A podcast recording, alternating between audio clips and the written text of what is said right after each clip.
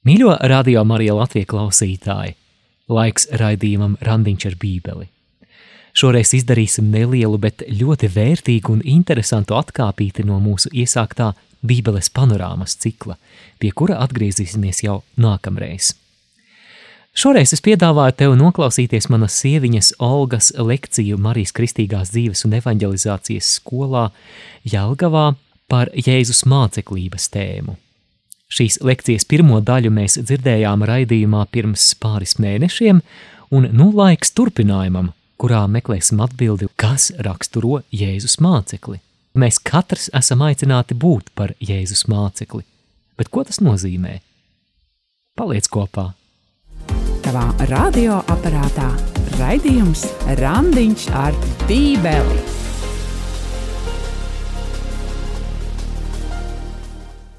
Tad uh, sāksim arī ar nākamo lekciju. Jā, tad, jā, pirmajā lekcijā mēs runājam par Jēzu kā mācītāju, ar ko viņa tā mācība tik ļoti atšķirīga jā, no citiem pasaules skolotāju mācītājiem. Un es atstāju arī ar to domu, ka tas māceklis ir tas, kas nu, mēģina kļūt par mācītāja dzīvo kopiju. Mums kā kristiešiem, ka viņa mācekļiem arī jācenšas būt par tiem, un tad arī Marijas skolas, kā, mm, kā saka, eh, lekcijas arī piedāvā iedziļināties tēma par māceklību, par, par mācekli, un kādi tie nosacījumi, izrādas ir nosacījumi, arī kādi, eh, kādi jāpiemīt, arī, nu, kas jāņem vērā mums, kā kristiešiem, ja mēs gribam būt tiešām viņa mācekļi, kas mums jā, jāņem vērā, kas mums tā kā varbūt jāievēro vai kā. Un, uh, bet uh, man šķiet, man negribas, lai mēs aizējam tāda nu, perfekcionisma vai tāda performance, ka mēs darbojamies, darbojamies, mēs skatāmies, ot, mēs, man jābūt tādam, man jābūt tādam, man jābūt tādam. Man šķiet, to motīvu, ko es gribu atstāt arī šodien, nu, cauri tam visam, ir tāda viena rakstu vieta, kas arī man ļoti palīdzēja, kā, kā lai saka, nomierināties. Jā? Jo nu, tad, kad es biju sākusi evangelizēt, un kā es, mēs gājām ar Bastēnu, ar citiem grupas dalībniekiem, nu, Žozo Bastēnis, tas ir Beļģiju misionārs šeit Latvijā, un uh, Magdalēna, kas, kas darbojas pārsvarā, arī citur. Uh, Un, eh, un tad man bija tā, ka es eju, un man nesanāk. Es tur teicu cilvēkam, tur Dievs tevi mīl, un cilvēks oh, tur aiziet prom. Es domāju, ka es varbūt es nepareizi ko daru. Un es domāju, nu, Dievs, nu, ko man darīt, un tā, un tā. Un tad es atcerējos to rakstu vietu, kas man deva tādu mieru, un es gribu, lai arī tas arī attiecība par māceklību, tad es nolasīšu no Mateja evaņģēlija, tās ceturtas nodaļas no 18. līdz 19. pantam, kur viņš aicināja Sīmeni un viņa draugus un brāli sekot viņam. Jā, tad, tad nolasīšu no tās vietas, bet Jēzus staigādams par gar Galilējas jūru, mēs te varam redzēt tas kartes, kur te Galilējas jūra ir, jā, var pieiet tuvāk pēc tam, redzēja divus brāļus, Sīmeni, kas tiek saukts, pē, sauc Pēteris un Andreju tā brāli, izmetam tīklus jūra, jo viņi bija zvejniekiem. Un viņš tiem sacīja, sekojiet man, un es jūs padarīšu par cilvēku zvejniekiem.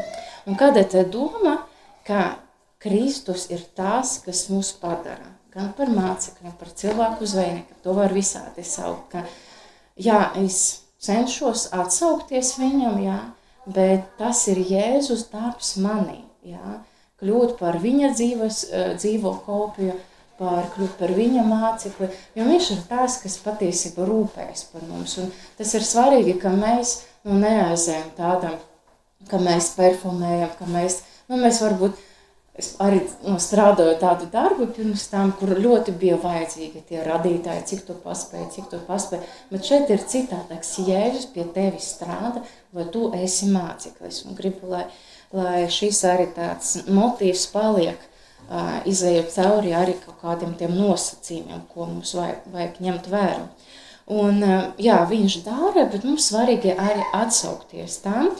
Un dažai tajā pašā laikā mums svarīgi ņemt uh, noteiktas lietas, ja mēs gribam viņam patiesi sekot. Un viņš sagaida no mums noteiktu tādu attieksmi. Un arī uh, jāsaprot, ka tas ir arī ir process, ka mēs nevaram, vot vienu dienu es biju ne, ne māceklis, tagad es pilnīgi esmu māceklis, atbilstu visam punktam. Ja? Tas ir katram ar sevi nu, darbs, un Jēzus pie jums strādā. Līdz ar to vienu reizi sanāk, citu reizi nesanāk. Mēs redzam pie pašiem Jēzus apstuļiem, ja es vēl kā arī uh, minēšu piemērus, jā, ka viņam arī nesanāca, jā, viņam arī nebija ideāli, jā, viņa arī klupa un krīta un mācījās. Un, um, Pirmais tas nosacījums, jā, māceklim ir, kas ir svarīgi, ka māceklim tikai viens skolotājs, Jēzus Kristus. Es paskaidrošu pēc tam, kas, ko tas nozīmē, bet um, raksto vietā atkal no Mateja, jā, 23.10, kur Jēzus saka, nesauciet par mācītājiem, jo viens ir jūsu mācītājs Kristus. Un ko tas nozīmē? Un pirmajā lekcijā mēs jau nedaudz runājam par to, ka pasaulē Jēzus Kristus ir nu, viens no skolotājiem. Tur, eh, tur nezinu, kas tur var plaukta likt, tur Jēzus mācību, tur Karlu Marksu vai, vai kādus tur kapitalistu. Nu, tas man ir, nu, ka cilvēkiem tas viss ir tā vienā līmenī, jā. Bet mums kā mācekļiem Jēzus Kristus ir tā galvenā autoritāte. Un, um, mm, arī, piemēram, ja mēs kaut kur, tas nenozīmē, ka mēs nevaram klausīties kaut ko vai kādu citu mācītāju, skolotāju, nu, kas runa varbūt par kaut kādu tēmu, varbūt citu tēmu, bet mums jāskatās, ja tās, ko tas cilvēks māca, varbūt kā mēs piesako, varbūt tas pat ir kristietis, jā, jo arī, šķiet, Pāvils teica, ka, ja jums eņģelis eņģelis parādās un pasaka jums citu evaņģēlu, lai viņam ir anafema, ja? bet tas, nu, pat eņģelim, ja?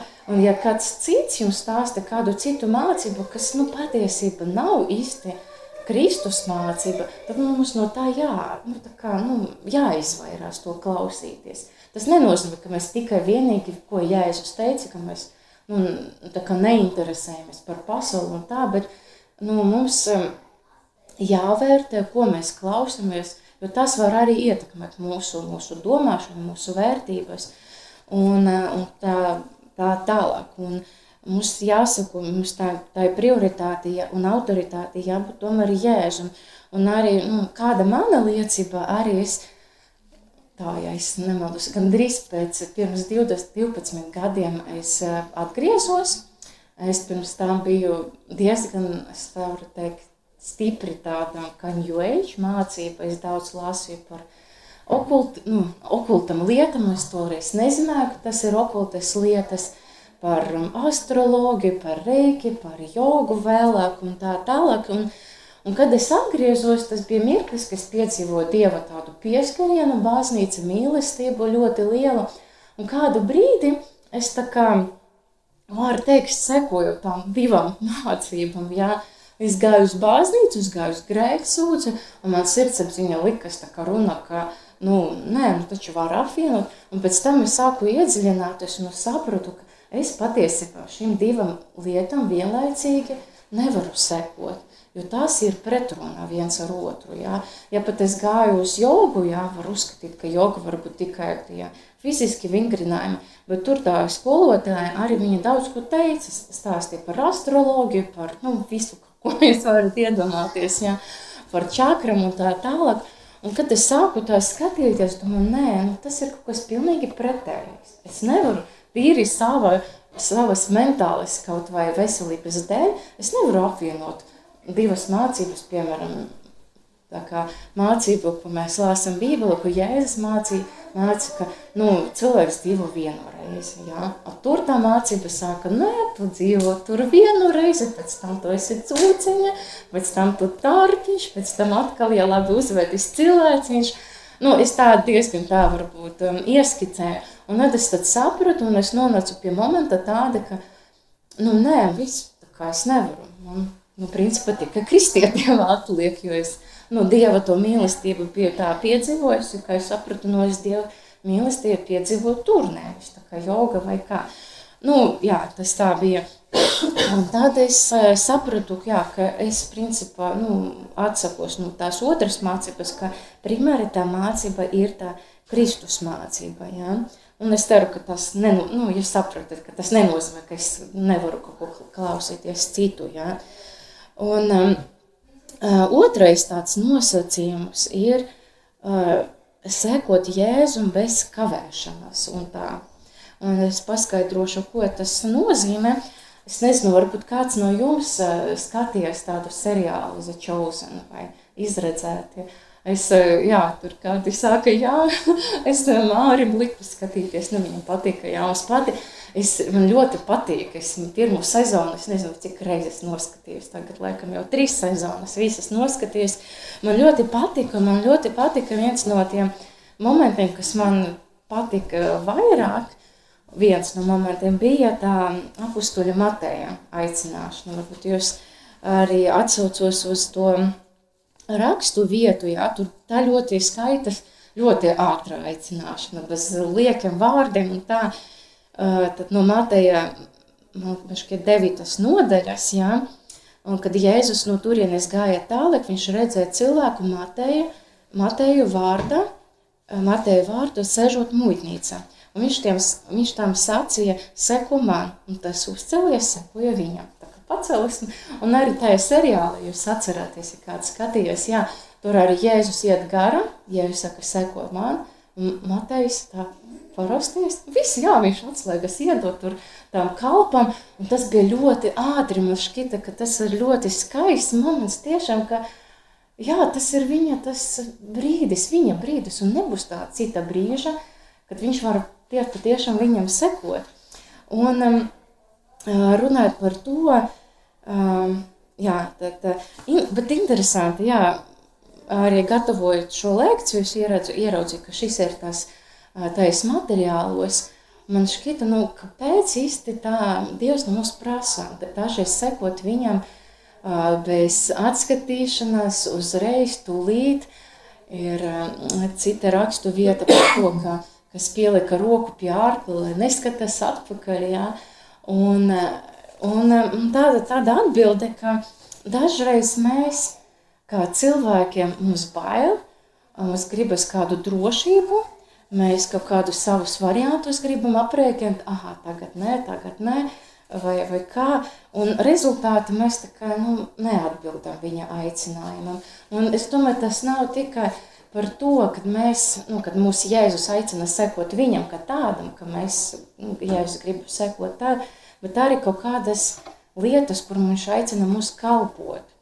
Un, um, uh, un uh, es to arī ļoti sapratu, uh, kā, kur es esmu, mēģinu saprast. Un, ja godīgi, man šķiet tā lieta, tā sekošana bez kavēšanas jēzum man pašai ir visgrūtākā, ja es atzīstos. Jā. Nu, varbūt arī citas lietas es arī varu pateikt visgrūtākā, bet ar šo es sapratu, ka es cīnos ar to un ka Dievs arī mani lauž. Un es pirmkārt, nu, es jūtu, ka arī Dievs mani aicina evangelizēt, Un tas nenozīmē, ka evangelizācija ir tikai svētdiena. Tas var būt tā izskatīties. Es sataisos, kaut kur iet, piemēram, tur braukt ar vilcienu, saplanoju savu laiku vai uz kādu veikalu. Un pēkšņi Dievs, Dievs sāka aiziet pie tā cilvēka, pasaki, ka nu, Dievs viņu mīl, nu, ka es viņu mīlu. Un sapratu, ka nu, Dievs jau pārsvara bieži vien aicina to ar, vai es daru to bez kavēšanas. Ja? Jo nu, cilvēks tur stāv pieturas, tūlīt atbrauc autobusu un viņš brauks prom. Bet es sapratu, ka nu, man jau grūti, nu, man jau tā lauž. Man patiesībā, ja ir kaut kāda situācija, kur var gaidīt, es ar Dievu kaulējos. Es saku, Dievu, un Dievs var būt. Nu, tā jau pieturēs pie viņa piešu. Varbūt, jā, es kāpšu pieturētāja, un tas cilvēks kāps tajā pašā vietā. Un bija tie gadījumi, kad arī tas cilvēks kāpa. Uh, Un es sapratu, ka tā ir tā nu, sevis laušana. Ja? Un ka Dievs, nu, es, jā, es parasti uh, nu, Un tā varbūt arī nāves sev, jo aiziet pie kāda cilvēka, pateikt viņam, tas ir nomirt sev kaut kāda ziņa. Ja? Un es tik ilgi arī vilcinos, ka es smējos par sevi, ka es izvēlos to garo, lēno nāvi, ja, ka es mirstu, labi, Dievs, es vēl tur apli apstaigāšu, labi, es tagad tieši. Bet bija gadījumi, tad, kad es piegāju, un tas cilvēks vairs tur nav, ja? un es sapratu, nu, piedodies, man tad man jālūdz viņam piedošana. Un, um, Um, jā, tas ir tā ļoti svarīgi, un es dzirdu arī liecības, jā, tādas, ka uh, varbūt kāds ir aicināts lūgties. Jā. Es dzirdu vienas sievietes liecību par to, viņa diezgan tā lūdzēja liela, viņa stāstīja, viņa bija atgriezusies, un viņa tad brīnišķīgas attiecības ar Dievu, viņa jūta, ka ik pa brīdim Dievs viņu aicina lūgties, aizlūgt par kādu citu, nu, tā kā vienkārši pie sevis. Ja? Un tad viņam brauca pie savas māsas, māsa ļoti runīga tāda ir. Un uh, viņa runā ar viņu, un tad uh, viņa sajūta, ka Dievs viņu aicina nu, atkal lūgties. Un viņa kaut kā nobijusi no māsas, nu nevis nobijusi, viņam bija nērti teikt, māsa, nu zini, kā es negribu ar tevi runāt, es iešu palūgties. Un viņa kaut kā to nu, palaida garam, viņa nelūdzas, jā, tajā brīdī. Un kas ir ļoti beidīgi, jā, tā, viņa saka, pēc kādam tur minūtēm viņa uzzināja, ka viņas tēvs ir miris. Jā. Un, ka tajā brīdī viņu Dievs aicināja lūgties, aizlūgt par viņu, bet viņa tajā brīdī nu, neatbildēja viņam. Un, nu, rezultātu nu, mēs nezinām, kā tur. Un, protams, tas nav, nu, kā, nav sev jāparmet, ja es kaut ko nokavēju, kaut ko neizdarīju, bet jā, mums ir jābūt gan jūtīgiem uz to, ja Dievs mums aicina kaut ko darīt. Un, nu, jācenšas bez mītēšanas. Protams, varbūt eh, situācija, ka tu vari patirgoties ar Dievu, un ka Dievs arī nu, neprasa, ka to tūlīt uzreiz tagad, bet mums jābūt gataviem būt uzreiz viņam sekot. Un mēs varam to mācīties arī ļoti daudz, kur jaunajā derībā, īpaši apstuļu darbos, bet arī jau vecajā derībā, uh, interesanti uh, ir tā, ir tāds fakts, jā, kad mēs zinām, ka Izraēla tauta izgāja no Eģiptes, pārsoļoja pāri sarkanai vai Niedru jūrai, un tad viņi staigāja pa tūkstnesi. Un interesanti, ka viņi, viņus pavadīja Dieva klātbūtne ar mākoņa veida pa dienu vai ugunstāps, skatos uz Māriju, viņš ir bībeli, atvērš vai ugunstāps, kad, kad panākti, ja, un tā bija Dieva klātbūtne. Un viņi, un kas bija interesanti, kā viņi ceļoja. Tiklīdz tas mākoņu stāps pacēlas, tas nozīmē, ka visiem, visai Izraēla tautai, ar visam savam mantam, kas viņam bija, bija jāceļas un bija jāsako Dieva klātbūtnē. Un viņi, un kamēr tā kustējas, viņam bija jākustējas, kad tā apstājas, tad tie apstājas un tad taisīja to nometnē. Ja? Un interesanti, jo un viņa nezināja, cik ilgi tas būs, jā, cik ilgi viņi paliks tajā vietā. Tas galvenais nu, nosacījums bija, ka tā dieva klātbūtne ir kopā ar viņiem. Jā, tad, līdz ar to tas arī par to mums daudz ko pasaka. Tavā radioaparātā raidījums Randiņš ar Bībeli.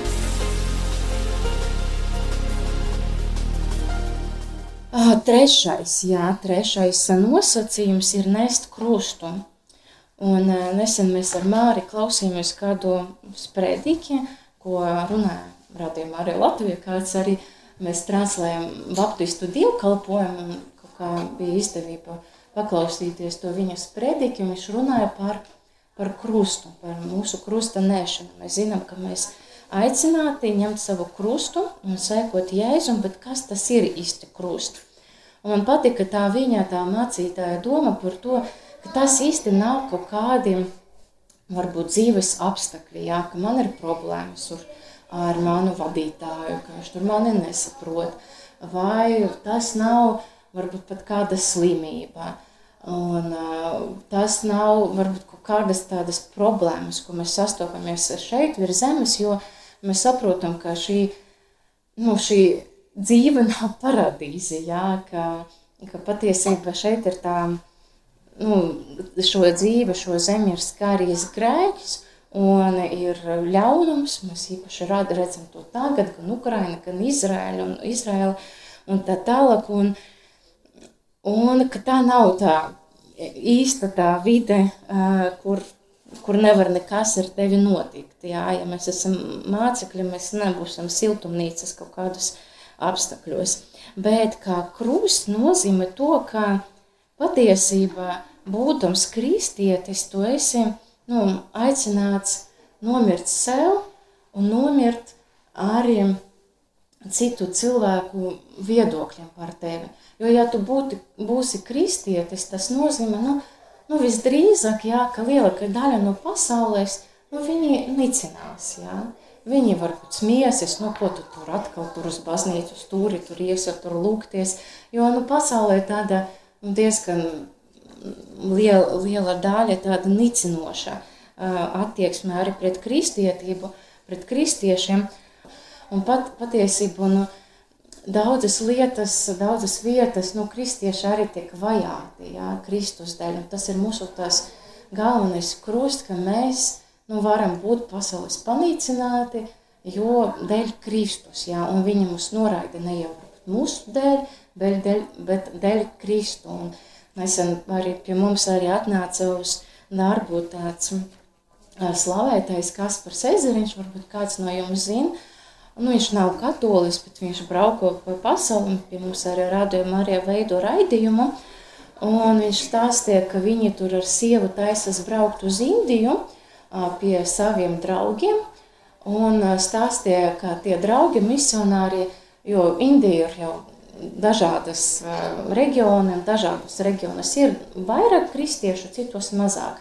Un tie misionāri, kas par ezeriņa draugi, viņi aizbrauc uz misiju, dzīvo tajā vietā, kur pavisam maz kristiešu, varbūt gandrīz kā nav, jā. varbūt arī palabot arī, var palabot arī manu stāstu. Un notika tā, jā, ka viņi sāka, sāka tur sludināt, tur, tur kaut kas notiek, tur cilvēki atgriežas, Un pēkšņi tas pilsētas iedzīvotāji kļuva ļoti dusmīgi uz viņiem, ka šeit kristieši darbojas, darbojas un rekā tur kaut kādi un, un, tur atgriežas. Ja? Un viņam tas nepatika. Ja? Un tad viņi vai kaut ko nodedzināja, ja es nemaldos, jā, vai to baznīciņu vai kā. Nu, tas ir riktīgas tādas vajāšanas pret tiem misionāriem sākas. Un tad tas misionārs izsauca policiju, nu taču tas ir krimināls, jā, ja kaut ko nodedzināja. Un policija atbrauca, saka, nu, nu tu pats vainīgs, ka tu kristietis, taču tu nesaproti, ka šeit tā nevar, jā, būt par kristieti un sludināt, jā. Un re, kur tās ir tās, nu, mūsu kristiešu tās krusts, jā, ka, nu, kā šī pasaule tomēr mūs tā nepieņem. Un Jēzus arī par mums to brīdināja, jā. Un tas pēdējais punkts, tāds lielāks punkts, tāpēc es viņu atstāju jā, tā pēdējo, ir um, mums var būt kaut kādi arī uh, šķēršļi attiecību uz uh, sekošanu Jēzum, un tie šķēršļi, nu, es negribu jāsaka jāatmēt, bet mums jāņem vērā, ka mums būs vajadzēs pārvarēt tos šķēršļus. Un uh, pirmais ir šķērslis, ir uh, ģimenes saites. Ja? Un tā arī var gadīties, ka mūsu ģimenes locekļi var būt draugi.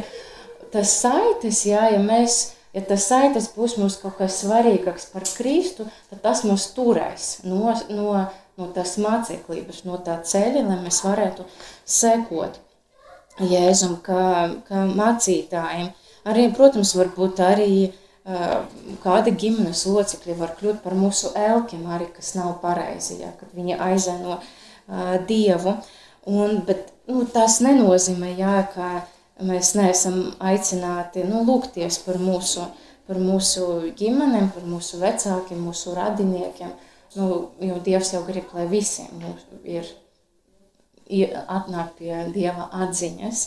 Jā, tad pirmais ir tās šķērslis, ka tas var, varētu būt pat tie pirmie, nu, tie, tie tuvākie cilvēki, kas, kas to nepieņems. Un es arī jā, pieminētu savu piemēru, bet es arī atcerējos tādu piemēru uh, no Pakistānas, un viņam ļoti spēcīga liecība, un varbūt jūs varat arī iegooglēt, nu viņš vienīgais angliski runā, viņu sauc Māriju Žozefu, un viņš stāsta par to Māriju Žozefu, ka uh, viņš mācījās par imāmu, par, viņš no musulmaņu ģimenes, bet beidzas ar to, uh, ka viņš kļuva par katoli. jā, nu, ja es nemaldos no Pakistānas, varbūt no Indijas, es tagad saku tā šaubīties, nu, no tās apmēram puses. Un notika tā, ka ģimene viņu nepieņema, un viņu tēvs viņu gribēja nogalināt. Jā, jā, jo viņi bija ļoti dusmīgi, jo viņi turēja viņu bāda vairākas dienas pagrabā, un tēvs jau bija gatavs viņu nogalināt, bet nu, tur notika brīnums, viņš aizbēga. Un, protams, ka viņš mīl savu ģimeni, bet ja viņš būtu piekapies savai ģimenei, ja viņš saglabātu ģimeni, bet uh, viņš pazaudētu Jēzu, jā, un kas ir varbūt tāda tāda ārkārtīgā stāvokļa, kas ir tas svarīgāks, un pat interesanti, tie viņa draugi, kas palika tajā, mm, tajā Indijā vai, vai, vai Pakistānā, viņi sūtīja bildes, kā tie vecāki sava pagalma uztaisīja viņam tā kā, nu, kā, kā kāpu, ja? nu, tā kā, nu, tā kā, kā viņš tur ir apglabāts, ja? un tur uzrakstīja, tā viņu sauc, uzrakstīja gadus, un tas, ka priekš vecākiem viņš viņam ir miris, ja? Tajā paša laika, nu jā, es ticu, ka tas Mārija Žozef, viņš Nu, viņš paņa, pamainīja vārdu, nu, viņš turpina lūgties arī par savu ģimeni, lai viņi atgriežas, bet arī varbūt nu, tādi ārkārtīgi, um, ārkārtīgi uh, notikumi. Tā, tā, tā, jā. Uh, vēl viena lieta, no kā mēs esam aicināti kādu šķēršļus pār, pārvarēt un atteikties arī, nu, kā es teiktu, no tādiem, nu, personīgiem plāniem uz dzīvi. Jā, jo, kā saka tā anekdote, ja tu gribi uh, sasmietināt Dievu, tad pasaki viņam savus plānus jā, uz dzīvi. Un Dievam varbūt nu, gluži nav tāds plāns, kā tu iedomājies par to sekošanu. Un mēs varam redzēt arī, kā komiski mācekļi uh, stāstīja Jēzu, ka runāja, piemēram, uh, tur Jāņa un Jēkaba mamma lūdza uh, Eh, dot sēdēt saviem dēliem pie labas un kreisas rokas Jēzum. Mēs eh, redzam, kā Pēteris tur eh, teicis, ja tu esi dzīva Dieva dēls, Jēzus viņu uzslavē, un tad Pēteris mēģina Jēzu atrunāt no krusta nāves, un tad Jēzus viņam sāka atkāpties no manis sātan, ja, Un mēs redzam, ka arī mācekļiem varbūt par savu dzīvi, par Jēzus dzīvi pat vairāk bija nu, savi plāni. Nu, Jēzu, tu tagad dzīvosim mūžīgi, mēs būsim tavi mācekļi. Bet Jēzum bija tās uh, cits plāns, un tas pats arī par mūsu dzīvi. Un um, arī atskatoties uz savu dzīvi, protams, neesmu nekāds varbūt tāds ideāls un paraugs, bet es redzēju, ka nu, Dieva plāns manai dzīvei ir tas labākais – stāstot arī par sevi, atceros, ka es strādājot vēl bankā, un es, tā kā bija Dieva brīnums tāds, ka es atradu ļoti labu dzīvokli, ko darīt, no, kur dzīvot, un man likas, ka tas ir Dieva brīnums, un es biju ļoti priecīga, Rīgas centra diezgan lēti, un tad pagāja kaut kādi daži mēneši, Un es jūtu, ka Dievs mani aicina braukt uz citu valsti, nu, būt par misionāru tur. Un es tā, Dievs, nu, tas taču nav loģiski, jā. Es tikko dzīvokli dabūju, un tas ir, man likas, arī nu, tā, tāva dāvana, tavs brīnums, brīnumains veids, kā es dabūju.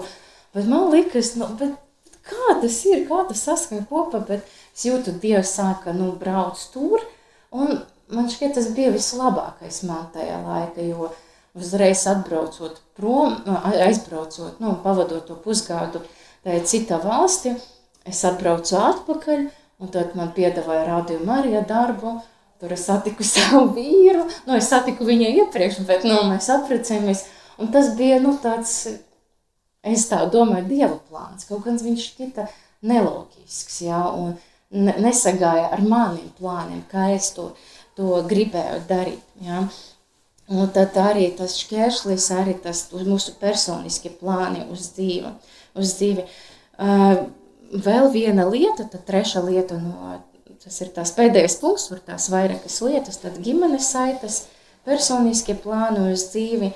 tāda atsacīšanās no materiāliem labumiem, jeb no vēlmes arī kontrolēt varbūt to materiālu pusi.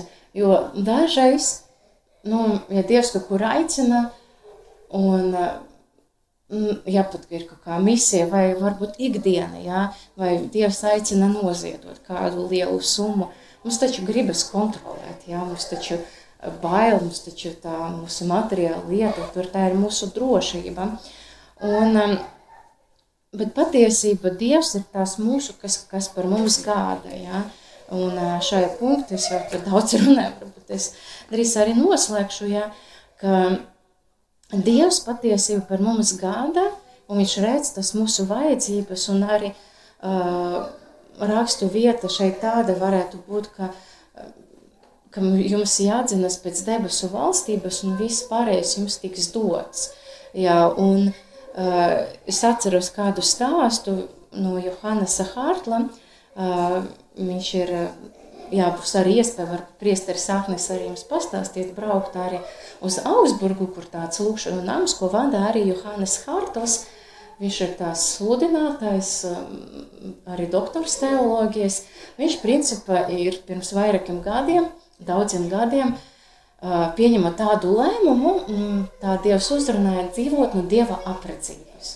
Nu, vispār viņam nav nekādu ienākumu, un ko Dievs dod, no tā viņš dzīvo. Un, bet eh, cilvēki tiešām viņam ziedo, un pat ir tā, ka viņam gan ir iPads, gan viņam kāds uzdāvina vienkārši kādu ceļojumu uz salām, un cilvēki nu, nesaprot, kā tas vispār var strādāt. Un varbūt tas ir tāds eh, galīgs, tāds eh, es neaicinu, tā, ka ne, ne, neparprotiet mani nepareizi tagad atstāt savus darbus, savus iztikas līdzekļus. Uh, Um, un kad cilvēki viņam prasīja, nu kā tev ir, kā, kā, kā tev ir, tu nestrādā, tev nav algas. Nu, nu viņš strādā, bet viņš to tā kā, nu, ziedu savam tam lukšanu namam. Kā, te, kā tu dzīvo, kā tu vari aizbraukt uz tam salam, ka tev ir iPads? Un viņš uh, atbild uh, cilvēkam to, ka, ziniet, man ļoti bagāts tētis. Viņam tur pieder zemes, viņam tur pieder viss. Un cilvēki, jā, tieši tā bagāts tētis, viņš te ir finansē, bet viņš jau runāja par debesu tēti, ja? ka mēs dažreiz piekaramies tam, tam materiāliem labumiem tā, ka mēs nu, neļaujam sekot sev jēzum, ja? ka mēs tur, Dievs varbūt aicina tur, tur doties, varbūt pamainīt darbu, bet mēs domājam, ah, bet es tur taču visu zinu, varbūt tur man bija labākā alga vai kā, un tad mēs tad nesekojam Jēzum. Un, um, tad, um, un ceturta lieta, nu, kā mums būtu jāatsakās, jā, arī jāņem vērā, kāds varētu būt arī šķērslis, tad tā ir baznīcas gods, jā.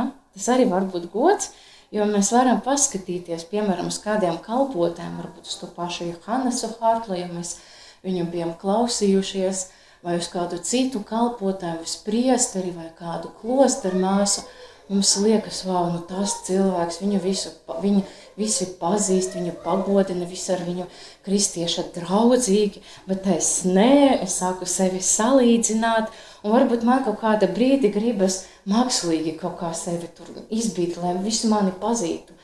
Bet patiesība, nu, ir tā, ka Dievs pretojas lepnēm, bet viņš bet viņš ir par tiem, kas ir pazemīgi. Un patiesībā šeit arī jābūt tādai nu, bērna attieksmei, ka nu, es esmu mazākais varbūt starp viņam, un ja nu, pa, pazemināt sevi, un ja Dievs gribas, tad viņš tevi paaugstinās, jo tas ir Dieva darbs, ja viņš grib, lai tu, nezinu, brauktu uz kādu misiju, lai tu esi slavens kalpotājs, lai tavas tur aizlūkšanas tiek uzklausītas, tad tas ir arī nu, Dieva darbs, ka mēs nevaram mākslīgi savu vietu, baznīcu, kur augstāku, zemāku, bīdīt paši, jā, tad tas jau būs pret nu, to Dieva gribu, tad mēs nebūsim autentiski mācekļi, jā. Jā, šeit bija tie, tie punkti, varbūt jums atkārtot vai, vai palika prāta, jā. Tad um, pirmais ir tad māceklim ir tas viens skolotājs, Jēzus Kristus, jā. otrais bez kavēšanas sekot Jēzum, tad ir nest savu krustu, to patiesu krustu, un tad ceturtais ir tie šķēršļi, jā, ko mums vajag arī pārvarēt. Tas pirmais ir ģimenes saites, kas varbūt mums traucēt, personiskais plāns uz mūsu dzīvi, un arī materiāli labumi, un arī varbūt gods arī baznīca kāda, kas varbūt kaut kā iezakties mūsu dvēseli, un mums varbūt arī sakt, to es arī gribētu kaut kādu godu un pagodinājumu baznīcu, baznīca. Bet, nu, pāri visam es arī gribu vēlreiz atgādināt, ka tas, protams, domāju, ka Mēs varam pārdomāt arī par savu dzīvi, kur varbūt kādi arī citi šķēršļi, varbūt kādi citi nosacījumi, kas man varbūt palīdz vai, vai trauca sekot Jēzum. Bet pāri visam, jā, man šķiet, ka vislabāk tomēr atdot to visu Dieva rokas, teikt viņam jā un ļaut viņam, lai viņš no mums taisa to savu dzīvu kopiju, lai, ļauj, lai mēs ļaujam viņam to darīt, un lai viņš arī dara no mums tos cilvēku zvejniekus un arī savus mācekļus. Un jāsaprot, ka tas ir arī tas pakapenisks process. Un jā, paldies jums par uzmanību. Tad novēlim skaistu šo nedēļas nogalu, skaistu misiju. Jā, lai Dieva svētība jums. Jūs klausījāties raidījumu Randiņš ar Bībeli. Savas atsauksmes, ieteikumus un jautājumus sūtiet uz e-pastu randiņš ar bībeli at gmail.com. Iepriekšējās raidījuma epizodes var atrast arhīvā.